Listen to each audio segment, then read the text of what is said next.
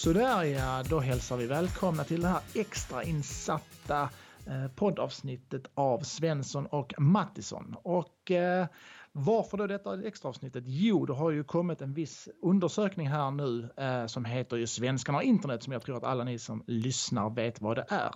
Och eh, den eh, släpptes i, nu här tisdagen den 15 oktober och eh, därför tänkte jag och Linus lite snabbt samla upp det det viktigaste från eh, undersökningen vad den visar och även eh, lite så här snabb analyser eh, kring vilka slutsatser vi kan dra av årets undersökning som onekligen är efterlängtad. Det är väl lite av en bibel Linus det här för oss som jobbar med kommunikation och kommunikationsnördar. Den här svenskan och internet. Den har blivit det lite grann. Ja absolut, det har, har det verkligen blivit. Det kommer ju den här tiden på året varje år och det är verkligen kul att grotta ner sig i de olika ja, kanalerna och ja, framförallt användarbeteende på, på olika sätt. Så det, det är en bibel för oss. Eh, även om jag, jag, jag printade ut den här gjorde jag på dator. Så jag, inte, jag sitter med framför mig här men det är på papper så jag är inte så digital.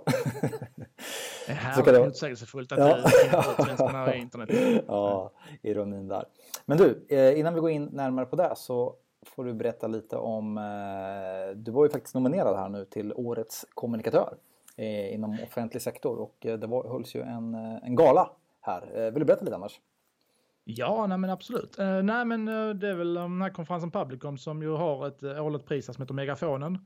Eh, där man ju utser årets kommunikatör i offentlig sektor i Sverige och där var jag en av de åtta nominerade faktiskt. Mm. Så jag var i Stockholm förra veckan där på en, på en väldigt trevlig bankett på Hamburger Börs. Ehm, dock så vann vi inte utan det var Borlänge kommun och deras näringslivschef Angelica Ekholm som, som vann priset för deras eh, kampanj här som de har gjort. Jag vill minnas den heter väl så här hellre ful och eh, trevlig än snygg och tråkig. Eh, jag ska inte dra mer om deras eh, kampanj utan man kan googla om man är nyfiken på vad Borlänge har gjort. Men stort grattis till Borlänge i alla fall. Men det här priset vann ju faktiskt du Linus för typ två år sedan. Och det var ju, det var lite synd för podden tänkte jag. För det hade ju varit jävligt coolt om vi hade liksom två stycken vinnare mm. av årets kommunikatör i sektor som um, poddhostar.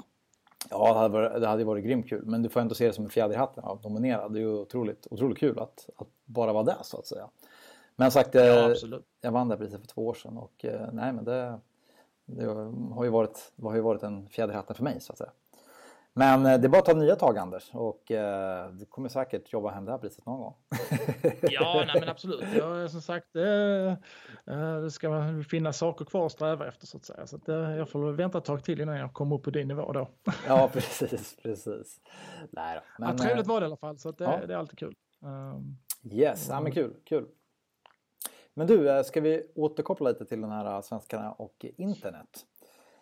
Eh, som sagt, en rapport som släpps årligen och ja, om man ska summera den här, det är svårt att summera, det är 150 sidor någonting sånt. Eh, men vad, vad, drar du liksom, vad drar du för övergripande slutsats av, av rapporten Anders?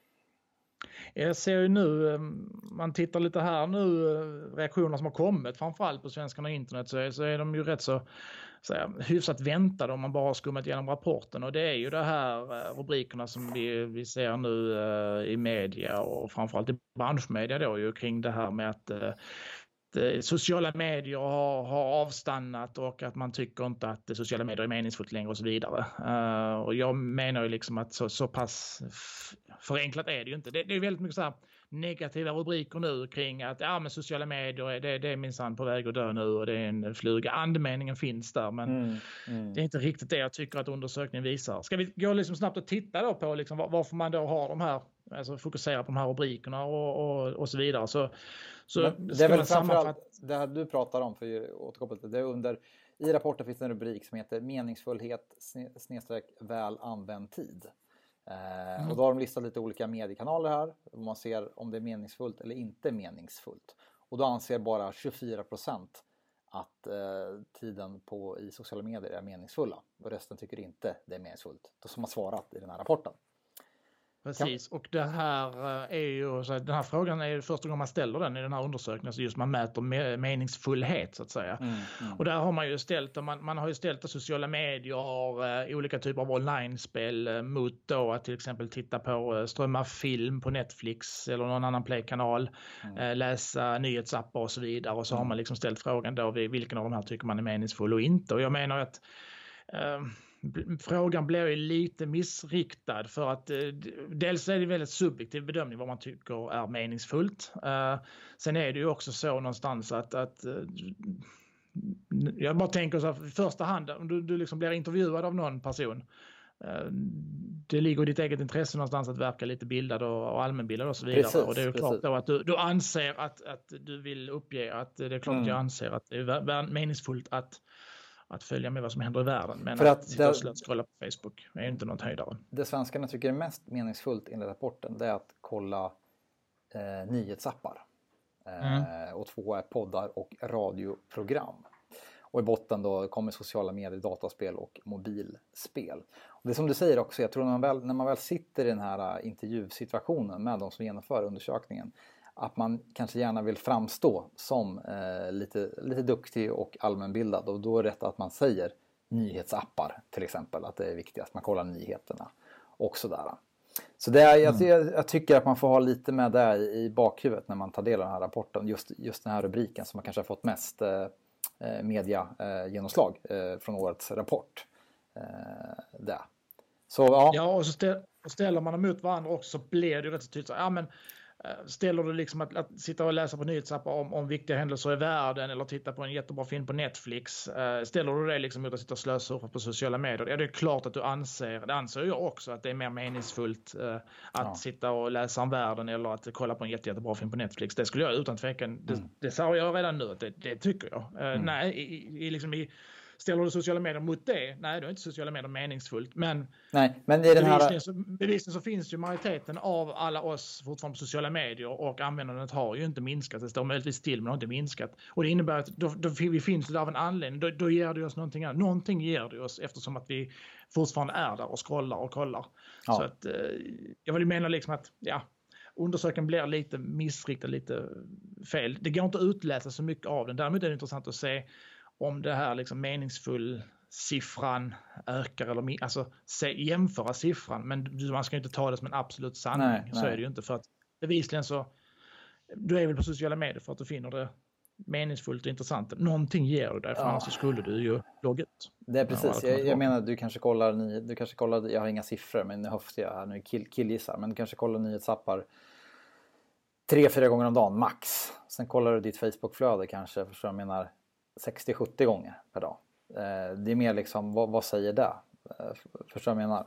Det är ju mer ja, beteende. så jag menar, då, då har ju, då har ju liksom, till exempel Facebook större genomslag än nyhetsappar. Liksom, om man säger så. Det är ungefär som om du skulle ställa frågan Linus, vad tycker du är mest meningsfullt? Att ligga i soffan och käka godis eller vara ute och träna? Ja, precis. Meningsfullt. Men vad jag, vad jag, det handlar ju om snabb stimuli, det är ju det. och det är mycket, det, men det vet man, man kan ju gå till sig själv. Vi, vi snackade om det här i somras, ett avsnitt, att man, när jag hade lite, vad heter det, eh, uppehåll från sociala medier och sådär. Eh, det är ju mycket man kollar slentrian, man drar upp och kollar om det hänt någonting på Instagram eller Facebook. Och det, är ju, det, får, man ju gå, det får ju varje person gå till sig själv och ha lite, som säga, lite digital disciplin om man vill ha lite förändring där, i sitt beteende helt enkelt. Eh, ja, kan man ju säga. Absolut, så är det ju. Så att uh, därför så, ja, ja, ja. den ska tas med en nypa salt. Men jag, jag, jag förstår att den, den dras på stort och så vidare. Men, uh, men man ska ju absolut inte ta det för en, för en sanning här. Det, det ska man inte göra. Uh, det tycker jag inte.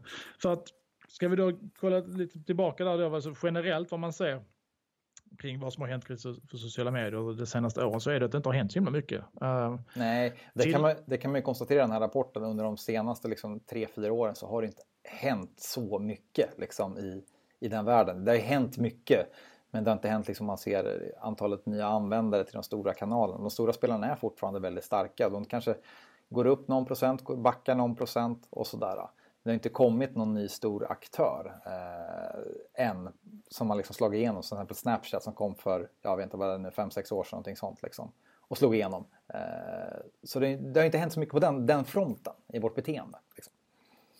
Nej, det, jag skulle snarare vilja säga att användandet av sociala medier ska anses vara stabilt skulle jag vilja säga. För att mm. det är klart att du alltid har en period av tillväxt. Sen så når du ju någonstans taket för hur mycket tillväxt du kan ha. Och mm. Där handlar det ju snarare om att bibehålla den nivå man har och att inte tappa allt för mycket. Men det är klart att det, det fluktuerar genom vissa år. Men det skulle jag vilja säga att eh, sen återstår det att se som sagt. Eh, är det liksom, sociala medier pikat? Ja. Kommer det nu hålla sig på den här stabila nivån eller kommer det liksom börja gå ut för? Det är det som blir spännande att se nu. Men ska vi bara titta på det vi vet nu, den utveckling vi ser nu, så är det ju att sociala medier är stabilt ja. i, sitt användande. Ja, absolut. Uh, absolut, så är det verkligen. Det ju... Så det är liksom inga, inga massavhopp. Det, det är det verkligen inte. Som man, som man lätt kan tro ibland när man liksom hör om, om eh, precis som sa, digital detox och liksom våga väga Facebook och så vidare. Det, det är det ju inte tal om. Nej, det har ju bara enligt rapporten har ju bara till exempel Facebook eh, har ju bara gått ner 2% jämfört med eh, i fjol. Eh, mm. Användaret och även dagliga användare också bara gått ner 2% Så det är inga, som du säger, det är ingen, det är ingen brant kurva neråt liksom. Så... Nej, och det jag tycker, ska vi prata lite grann om Facebook, bara lite ja. kort. Mm. Det jag slogs väldigt över eh, är ju det här när man grottar ner sig på vilka det är i ålderns, ålderskategorierna som använder Facebook då. Mm. Och, och eh, säga, jag tycker ju fortfarande att visst, nu börjar det mer och mer släppa det här liksom med att, folk säger ju inte längre att Facebook det är ju där ungdomarna finns och så vidare. Men det, det, det finns ju fortfarande en och annan som, som faktiskt kan, kan slinka ur sig det liksom. Eh, framförallt ur äldre generationer liksom att ah, sådana där ungdomliga saker som Facebook och sånt där använder jag inte och så vidare. Det som Svenska Internet visar ju är ju att 66-plussarna är fler än vad de som är mellan 12 och 15 år är som använder Facebook. Så att vi kan liksom en gång för alla slå död på någon form av påstående att Facebook är en ungdomskanal för det är det verkligen inte utan det är ju det är ju en eh, övre medelåldern framför allt. Eh, den, den är fortfarande en väldigt stark kanal med alla mellan, mellan 16 och 55 år. Så är den en väldigt stark kanal och 16 till 25-åringarna är det faktiskt 93 procent som använder Facebook. Det ska man inte glömma. Eh, sen hur att de inte är speciellt aktiva, det är en annan sak, men de använder ju Facebook. Ja, precis. Men det tycker jag, det tycker jag är spännande just det här bytet att, att det är fler 66-plussare som använder det än vad det är 12 till 15-åringar som, som använder det. Mm, det är superintressant. Men som säger också den siffran där, vad sa du, mellan 16 och 25, att det är en väldigt hög andel ändå som använder Facebook. Men det är väl att man använder kanaler på, på ett annat sätt. Kanske man behöver ha det för att man är med i vissa grupper, kanske genom skolan eller olika idrottsföreningar man är med i och sådär. Så det är det, ja, precis. det typ av beteendet. Precis.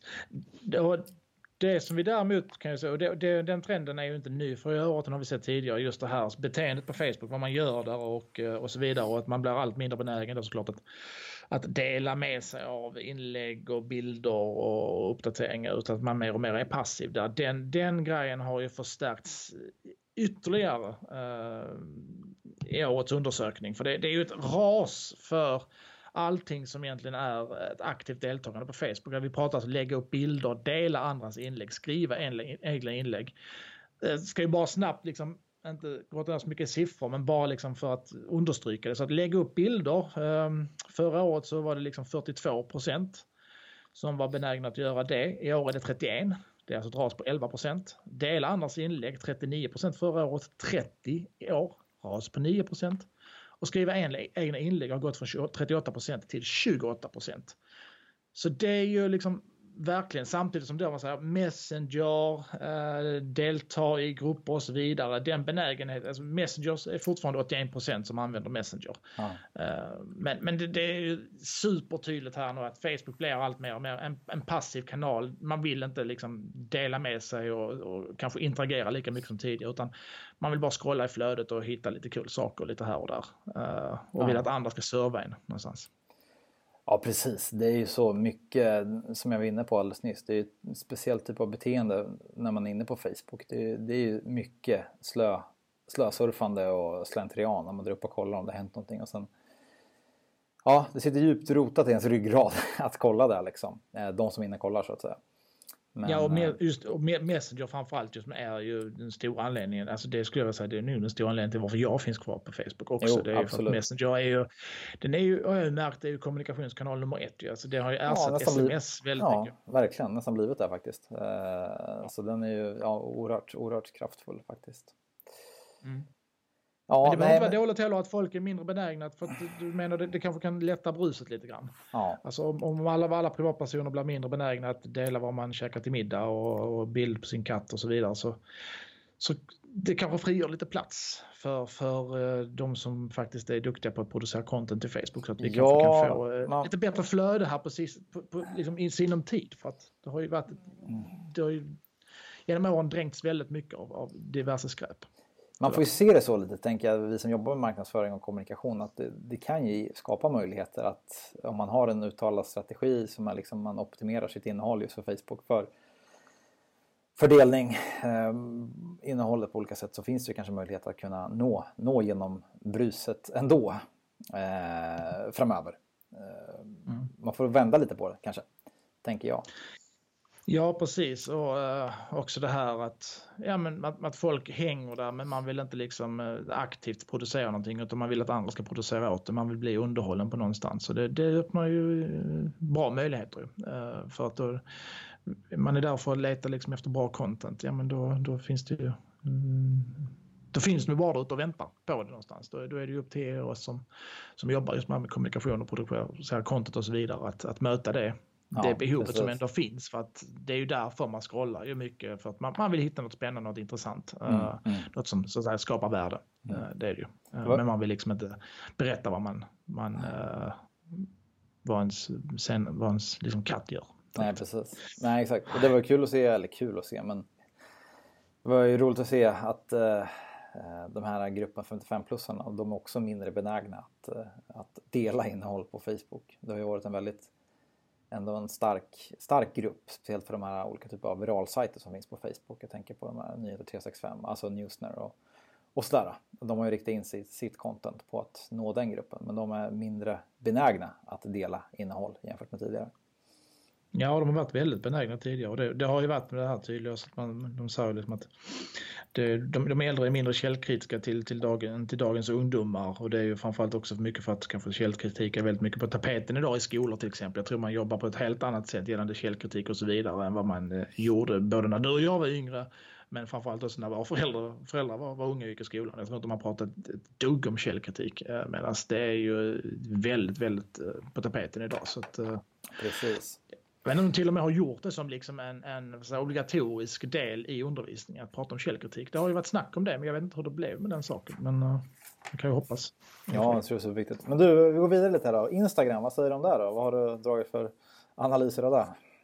Ja, vad ska jag säga, den här utlovade tillväxten. Eh, förra årets undersökning så var väl Instagram, slutsatsen att Instagram var den stora vinnaren någonstans. Och förra året pratade man om det här att ja, men eh, om Instagram fortsätter den här tillväxten som man har gjort och Facebook har avstannat på det här sättet så kommer Instagram vara större än Facebook om tre år. Ja. Eh, det fick väl en liten knäpp på näsan i årets undersökning eftersom att Instagram tillväxten har avstannat något. Dock så har den ju växt för att förra året var det 60% som använder Instagram. Uh, I år är det 61 så att ja. det har ökat men, men inte lika kraftigt som tidigare. Och 38 upp till 41 procent dagligen använder Instagram.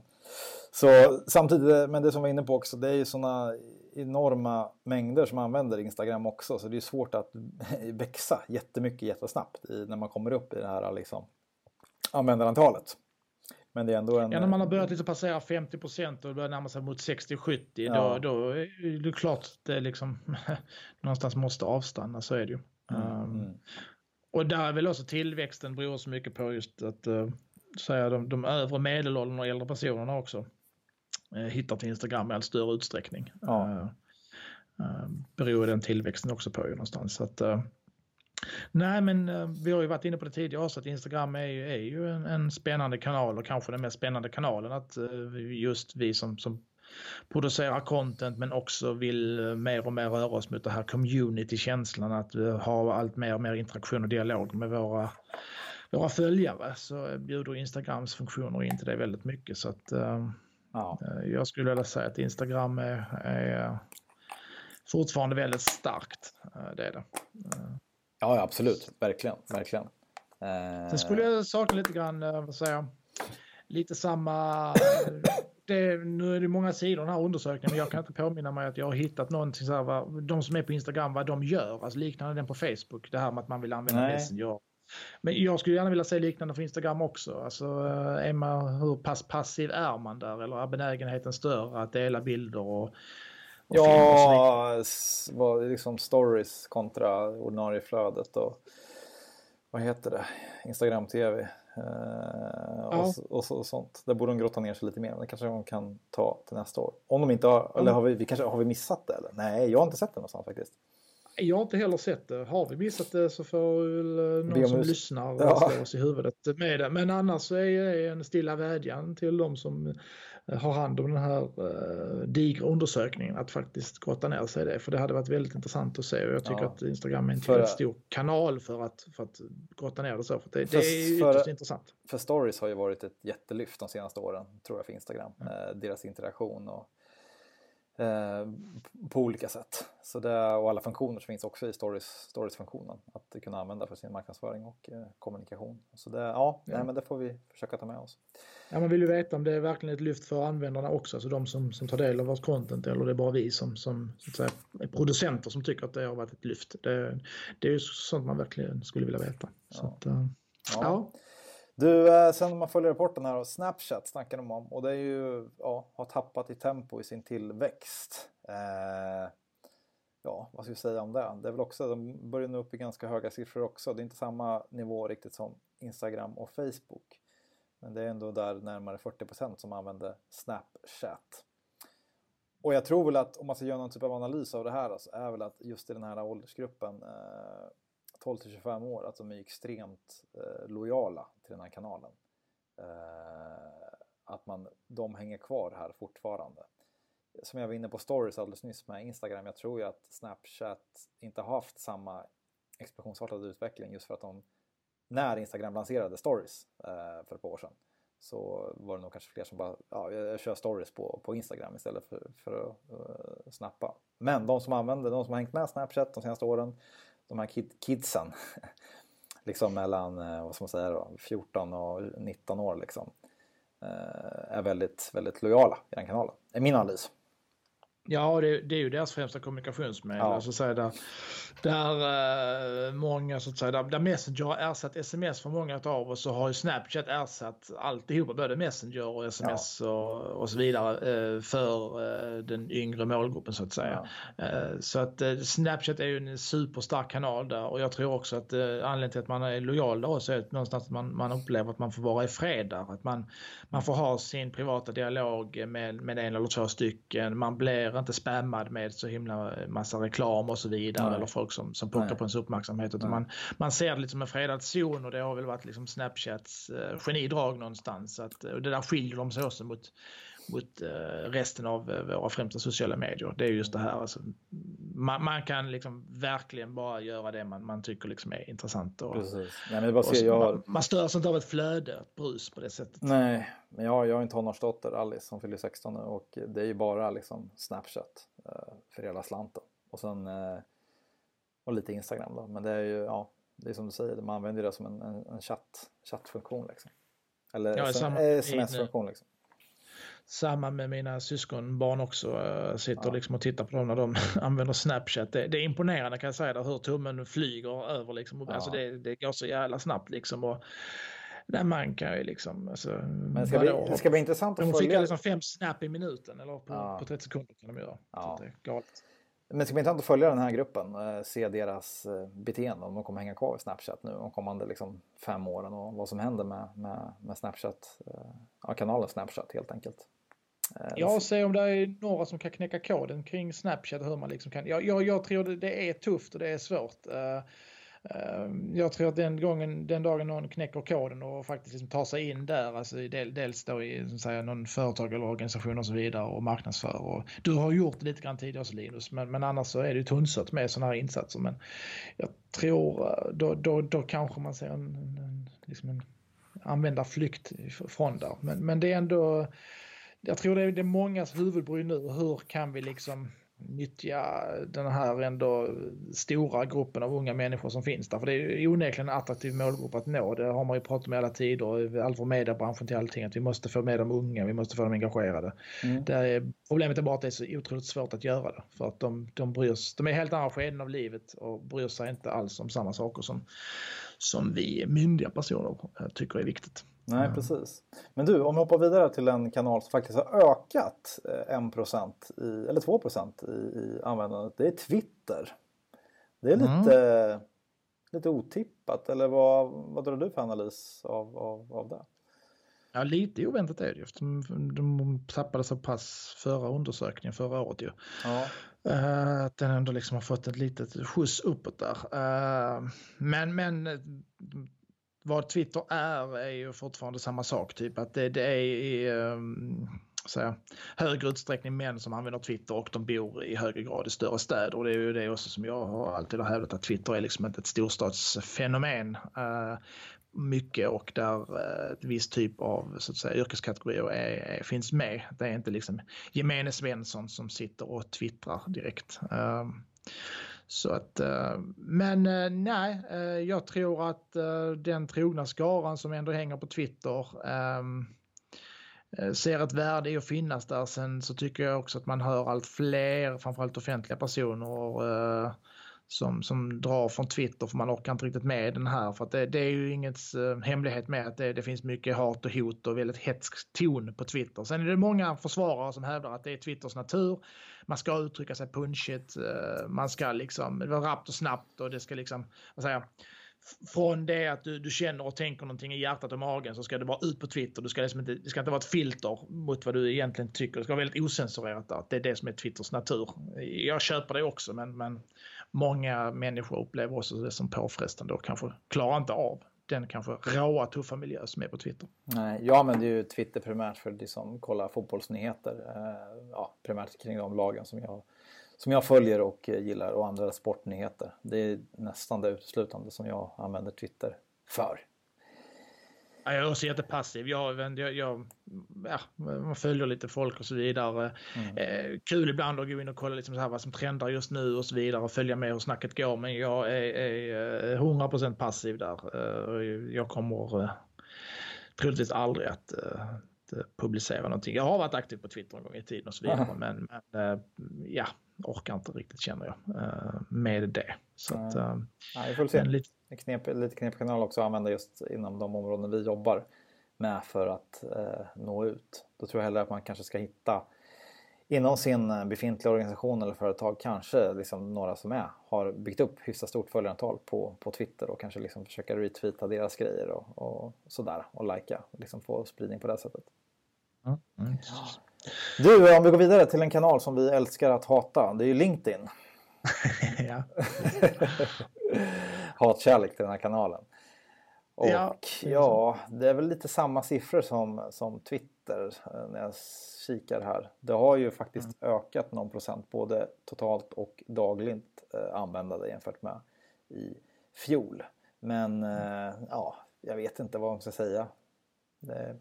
Och så stått stilla rätt mycket. Det man snabbt kan konstatera är som sagt att medelålders personer är den största gruppen där. Uh, jag tror den största gruppen är 36 45-åringarna som ja, 48 procent använder LinkedIn. Och, Sen därefter kommer väl 46 till 55-åringar, 42 procent. Så ja. att, eh, det är ju en väldigt så här medelålderskanal. Eh, det är väl eh, liksom, ja, rätt mycket så att säga, akademiskt folk, karriärmänniskor och så vidare. Folk som gillar nätverka och så.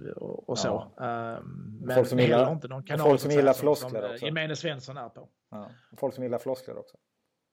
Ja, dels det. Framförallt under Almedalen ja, precis, precis. Nej, då, men det, ja, jag vet inte riktigt vad man kan inte säga så mycket om det. LinkedIn tycker inte jag. Eh, fortfarande lite trubbigt, lite buggigt tycker jag eh, när man jobbar inne i verktyget. Eh, I synnerhet deras annons, eh, annonseringsverktyg tycker jag är lite småknepigt. Men men. Ja det är det faktiskt. Och sen eh, ska vi väl bara som en handvändning nämna då, alltså Flashback är ju kul eftersom att uh, den på senare år finns med i den här undersökningen. Och ja. uh, man kan ju oftast tro att Flashback är, är, väldigt, väldigt stor och väldigt dominerande. Men det är faktiskt bara 1% av internetanvändare som använder Flashback dagligen. Uh, man kan ju annars få för sig att var och varannan människa hänger där dagligen och liksom läser allt skvaller och, allt som skrivs där. Men det är inte så. Nej, nej. Det är ett, det är ett beteende så här, jag tror liksom har, det hänt, ja, jag tror ett beteende har hänt något, kanske något brottsfall i ens liksom, där man bor. Då går man gärna in på Flashback för att liksom ta reda, få reda på mer. Få reda på mer, det får vi ta med en nypa salt. Men förstår jag menar, det är mycket det beteendet. Och sen när man inte är inne på Flashback på ett tag så kanske det händer något annat. Man går in och läser, då går man in på Flashback. Så det är väldigt det, jag tror det är sånt beteende. Det är, inte, det är inget jämnt. Man går, man går in där då och då. Liksom. Nej, men det måste ju också vara de som, som är då trogna flashbackare. De måste ju vara superaktiva för att hur liksom annars. Det, det är ju enormt flöde och uppdateringar där. Alltså de, de, det är ju till och med Flashback är ju, är ju snabbare än våra snabbaste liksom kvällstidningar med, med olika typer av nyheter och annat. Så att, det är ju liksom en väldig aktivitet där eh, på de som ändå hänger där. Men eh, som sagt, det, det, det här dagliga användandet är otroligt lågt. Eh, och jag tror det totala användandet är väl typ så här 30-32 procent som, som använder Flashback. det är ju en minoritet bland internetanvändarna ju. Det, det får man inte alltid intrycket av att så är fallet. Nej, precis, precis. Ja, det var väl lite kanalerna där. Jag tänkte eh, om vi snackar lite, ja vi måste säga ett par ord här också om, det hade vi lite med det vi snackade om meningsfullhet eller väl använd tid. Nej, det hade inte riktigt att göra, men eh, det är en rubrik som är ökad oro att Google och Facebook kränker integritet. Eh, återigen där, tror, känner man så på riktigt tror du, eller tror du att man svarar så i en undersökning? Att man känner sig övervakad eller liksom, förstår du vad jag menar? Eller skiter man i det egentligen? Ja, oh, svår fråga. Fattar du vad jag menar? Fattar du vad jag menar? Att ja, jag fattar vad du menar. Jag tror att det kan ligga någonting i det också. Att man, när du väl får frågan så liksom, oh, ja, ja, jo, men det tror jag nog att de gör, för de är ju skurkar liksom. Men när du sitter där i dagliga flödet så sitter du liksom inte, ja, men det är ju det epitetet de får hos många ju givetvis. Ja. Uh, men att... Uh, men är Cambridge liksom- Analytica liksom, som var, det, är det två år sedan eller ett år sedan? Ja, ja något sånt var det. Ja.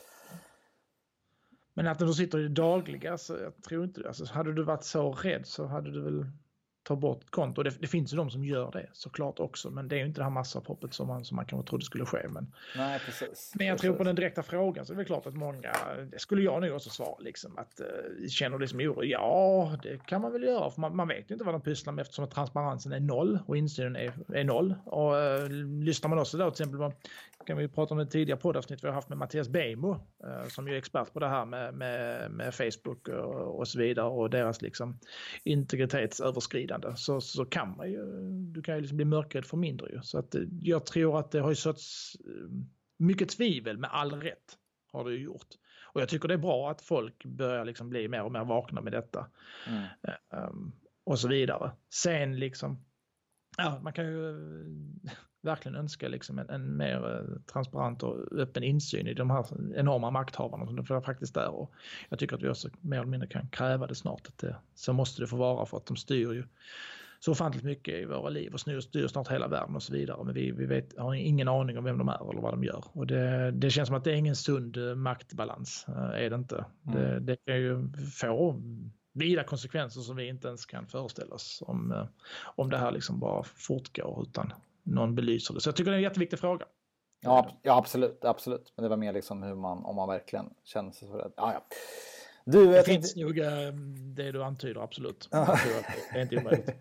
Absolut. Jag tänkte bara snacka lite här också om rubriken Titta digitalt. Eh, som jag tyckte var intressant eftersom jag jobbar mycket med rörlig medieproduktion. Och att vi nu här på universitetet ska försöka göra en lite mer uttalad satsning mot, eh, eh, mot Youtube så att säga. Och där ser vi ju att Youtube är ju är ju kungen faktiskt, eller hur? Verkligen. Den slår ju liksom Netflix och alla playtjänster och allting ja, ju. 87 eh, procent liksom. av internetanvändare använder YouTube. Det är, det är, riktigt, riktigt starkt. Ja, Mycket precis. Starkt och sen ser man här i äh, åldersgruppen, äh, vad blir det? Äh, studerare kallar de dem för. Det är, upp, det är 99 procent som använder kanalen. Mm. Och dagligt användande på närmare 70 procent. Jag tror det var någon liknande siffra i fjol också, men det är ju liksom det är otroligt, otroligt många eh, som är inne där. Och du vill slå lite slag för just eh, Youtube Anders, eller hur? Ja, jag nämnde det för dig lite tidigare också när vi, när vi pratades vid att Eh, till skillnad då från säga, övriga playtjänster, Netflix och så vidare som ju Youtube jämförs med eh, så är ju den, den stora skillnaden såklart att Youtube eh, ger ju möjlighet för, för vem som helst eh, som vill starta en kanal och publicera sig att kunna göra det och då är det ju eh, fantastiskt att så många människor är där. Så att möjligheterna är ju enorma precis som bruset såklart men det är det över allting annars. Eh, men det jag också tyckte var liksom att när man tittade på vad det är det vanligaste man tittar på på Youtube så är det ju underhållning eh, följt av instruktionsfilmer. Alltså 57% eh, väljer att eh, ta del av underhållning och 54% av instruktionsfilmer. Och eh, det är ju lite det här eh, jag blir glad över, för jag slår ofta ett slag för det här, liksom, att värdeskapande kommunikation, vad är det? Ja, men det är humor och kunskap liksom. Och kan man förena dem så har de succé. Det är ju mitt ständiga mantra. Mm. Och det här visar ju tydligt att det är ju det man vill ha. Uh, underhållning består ju inte sällan av, av uh, humor och så vidare. Eh, men det kan ju såklart vara annan underhållning också. Men just instruktionsfilmer och allt sånt, alltså det, det är ju så här jättemöjligheter för att just det att man, man söker ju allt mer aktivt efter ny kunskap och så vidare. Och, och då finns det ju, har vi ju så uppsjö av företag, organisationer och andra som sitter på inne på enorma kunskaper som folk bara törstar efter att få. Kan man då paketera dem på ett schysst sätt eh, och sökoptimera dem alltihopa. Det är precis som vi har, vi snackade om i ett avsnitt tidigare om Youtube här. Att det finns ju superpotential i Youtube om man bara liksom kan, kan lära sig mer om hur man ska kan nyttja kanalen. Verkligen, verkligen. Eh, ja, om man optimerar videorna på olika sätt och har en tydlig strategi med det också. Och kanske inte släpper, ja, jag... och inte släpper igenom allt, allt in, rörligt innehåll heller på Youtube. Eller i alla fall lägger det i så kallade olistat läge så det inte är synligt utåt. Man får ha, jag tycker man ska ha en tydlig strategi med sin Youtube-kanal också. Och de lojala tittarna blir fler också för att just det här med att eh, benägenheten att prenumerera på en kanal har ökat från 25 till 30 procent i år jämfört med förra året. Ja, precis. Så att eh, man söker sig allt mer och mer till de här liksom betrodda kanalerna som, som man liksom gillar och, tycker om och sådär. Uh, så att uh, um, Youtube glöms oftast bort av den jävla konstiga anledningen trots att vi, det är ju den kanalen som de flesta av oss använder, den populäraste kanalen. Uh, men den, den nämns inte alltid utan det är oftast väldigt mycket Facebook, Instagram Instagram, Facebook, Instagram. Ja, Medan Youtube är det. vore kul liksom om det fanns en organisation som, som bara satsar på Youtube, skippar alla andra kanaler. Bara, vi ska bara satsa på Youtube här nu och göra ja. riktigt bra content där. De ja. får gärna höra av sig. Spännande. Ja, verkligen, verkligen. Ja, är det mer du har att säga om här rapporten i eh, vi har ju bara haft några timmar på oss att kika på det. Man får sätta sig in lite ännu mer. Eh, ska jag göra i alla fall och läsa på. Eh, kring beteendet. Men har du, känner du att du har något mer att du vill lyfta kring årets rapport? Nej, ska vi bara lite snabbt eh, nämna mediasegmentet också eftersom att eh, vi vi här podden pratar vi både om media och kommunikation. Så där finns ju ett segment också i den här undersökningen som ju avhandlar ju dagstidningar, eh, radio, tv och så vidare. Och där kan vi bara snabbt konstatera att radio, tv fortfarande är störst, alltså traditionell radio, tv, men mm. att de tappar och att playtjänsterna liksom ökar och är på väg att komma ikapp. Och att det just föga överraskande är ju en enorm skillnad eh, vad det gäller ålder på om man, om man konsumerar traditionell radio tv eller om man kommunicerar digitalt, givetvis. Ja, precis. Och också precis. det här att äh, säga den digitala att det är mer läsning på de digitala versionerna av dagstidningarna än de som läser det faktiska då analoga pappret. Eh, att de är fler, men att totalt sett så minskar den dagliga konsumtionen av tidningar. Alltså det gäller både digitalt och i papper. Mm. Det är ju lite oroväckande att uh, det, liksom, den dagliga konsumtionen av, uh, av dagstidningar minskar. och det är framförallt den yngre målgruppen som, som gör sig skyldig till det, för de, de har inte det som så att säga en, en vana direkt att man måste konsumera nyheter dagligen som den äldre generationen kanske har när man är liksom, man hela sitt liv så har man gått ut och hämtat morgontidningen och har det som stående rutin att man ska, ska sätta sig ner och, och ta del av, av den. Utan det är inte så medievanorna ser ut idag för yngre människor. Så att, eh, det, det är väl liksom värd att notera att eh, mm. så ser det ut och fortsatt tufft för mediebranschen. Um, ja, det har vi konstaterat tidigare också. Ja, att, uh, ni får gå in och lyssna på det tidigare avsnitt. Det är väl två avsnitt sen som vi snackade om det. Ja, det kanske det är. Gratisjournalistik. Eh, tiden för gratisjournalistik är över, men vill någon betala? Tror jag. Det kan man söka här eh, i, i, listan på våra avsnitt om man vill höra lite kring våra resonemang, resonemang om det.